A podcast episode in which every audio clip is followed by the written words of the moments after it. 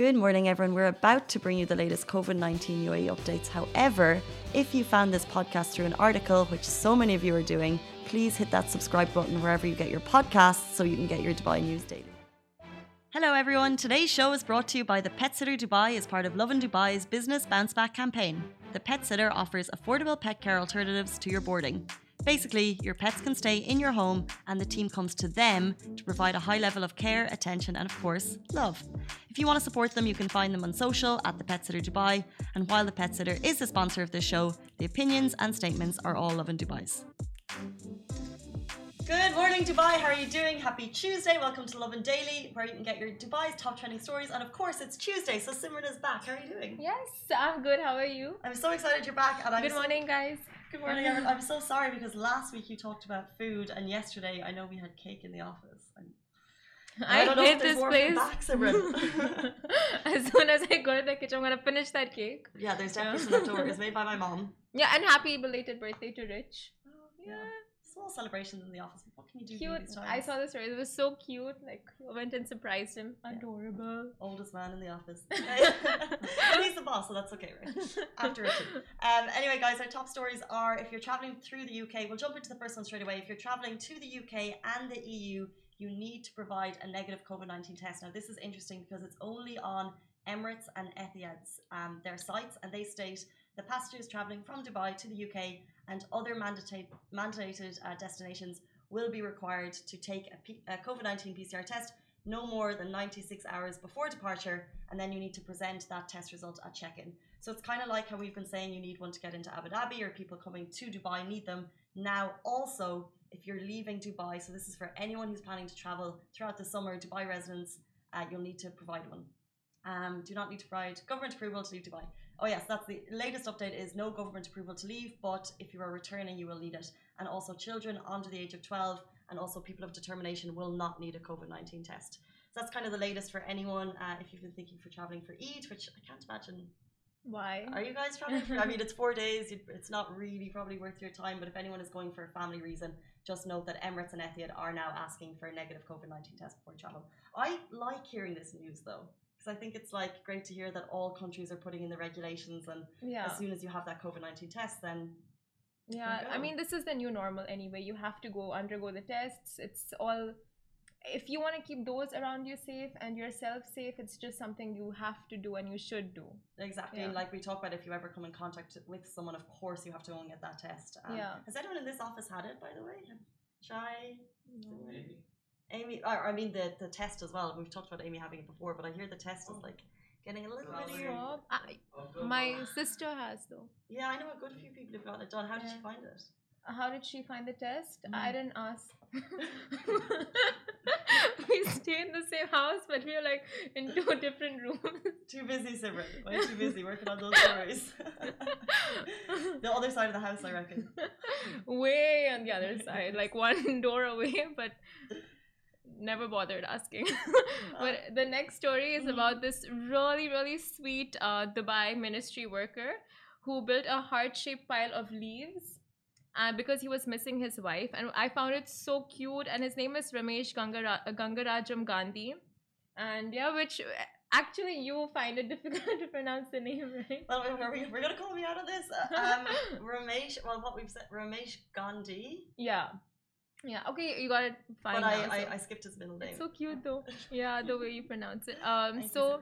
The ministry saw the story and um, they gave him a small token of their appreciation because he was missing home, he was missing his wife, and right after marriage, he just came. He was brought to Dubai right away.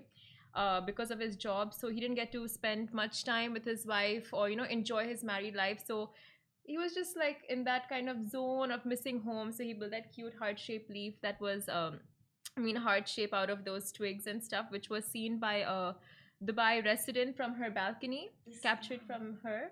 Her name is uh, Nasima Faharat. Fa- Farahat. How do you pronounce it, Oh. I'll let you continue. oh, I see how it is.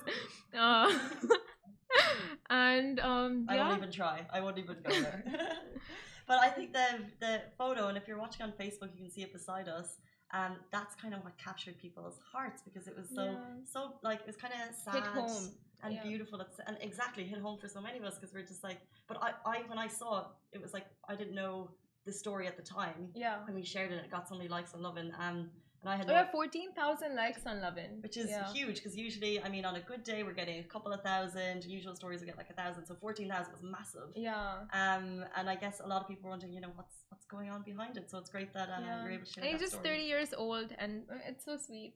Missing home and people really got in touch like they tried their best after seeing the picture they got in touch with the ministry because they wanted to share their token of appreciation with him as well so Ah. they got in touch and they sent him small gifts and like small messages which really means a lot for someone like hundred- in his level yeah Well, 100% to hear that the government is kind of going out of their way to support anyone because they heard that he was feeling like he was missing home and just like this simple case. It's so beautiful. yeah it really is We're going to take a short break. We'll be back with you after this message.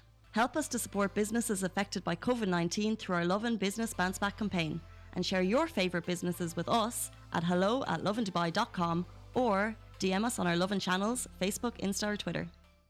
Um, but moving on to the government kind of putting more work into uh, our health and safety over the Eid holidays. And it's basically the UAE government media briefing happened yesterday, and they're urging the public to continue social distancing throughout Eid al Adha, which of course we're all looking forward to. So at the media briefing last night, Dr. Omar Al Hamadi, who is the government media briefing spokesperson, he kind of gave his usual updates like avoiding um, social distance, or not avoiding, continue social distancing. as it is so effective, especially as we enter into the holidays. Um, he went on to say uh, a couple of interesting bits, uh, especially parents might want to be aware of, that children um, they can get similar but less severe symptoms of COVID nineteen, and they can actually be asymptomatic, which means they don't show symptoms. So please, if you have kids, you're advised to kind of uh, keep them away from elderly or people with chronic diseases. Then finally, he said the death rate for men is actually higher than women, which you said that you knew, but this was the first I'd um, I'd come across it, or I wasn't too sure. Um, I didn't I didn't realize that that was like a fact that the death rate was higher for men, and also that it could be linked to a higher number of chronic and tobacco-induced diseases in men. yeah yeah Um, i think high rate of uh, high death rate plus high infection rate high infection rate. So I guess I, I guess it, obviously it's a lung disease. So if you're smoking or yeah um, and that's maybe linked to more men apparently. Chai, what was that? It, ju- it just narrows me down. No, don't think like that. And it's, but you hear different statistics, and then you hear in other countries they're different. So I, I, I know I heard in the in the US the age rate. Obviously, we kind of link it to older people, and I'm thinking my mum is in the kind of Yeah. serious age bracket because she's over seventy. But in the US, that's going down. Um, so it's I mean I, I don't think it's I don't all think over the place right now. Like you get to you're hearing different stats from different places.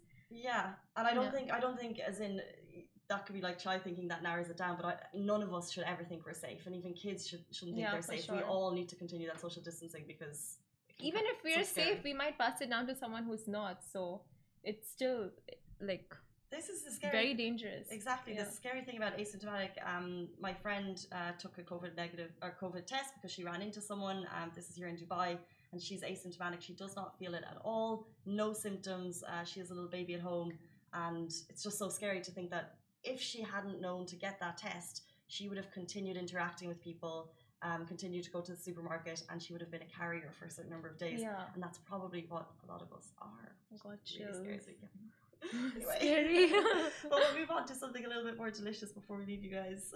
yes so before we leave you today a quick uh, quick tip if you're ordering lunch or dinner anytime soon domino's has a new tikka range there's paneer and chicken tikka to choose from and so both veggie and non-veggie customers have something to look forward to they sound delish 100%. and um, the best bit is right now you can get offering exclusive online deals such as monday buy one get one uh, buy one get one free and um, get buy two get two free on saturdays and mega weeks. The best pizza deals are available on www.domino.com so make sure you check it out guys. Delicious. So I used to be a tikka fan, and about two days ago, so when I go to an India, I'll get like this kind of standard. Well, I, I I love the starters, and then maybe like I'll get like um love like a cauliflower kind of a veggie dish, and then I had a tikka the last day, a chicken tikka. I was like, i'm the biggest So fan of paneer so paneer pizza like i'll have it any day i'm like drooling right now just thinking about it Oh, well, now that you're in the office, we possibly have a plan for lunch. yes we should We should, guys. from domino's From Domino's. Guys, those are our top stories. Simran, thank you so much for being here every single Tuesday. Thank you. Thank you for having me. And we'll be back. Thanks, Chai. Thank you. Great job this morning, as always. Always. always. Guys, stay safe and we'll see you tomorrow. Bye. Guys, that is a wrap for the Lovin Daily. We are back same time, same place every weekday morning. And of course, don't miss the Lovin Show every Tuesday where I chat with Dubai personalities. Don't forget to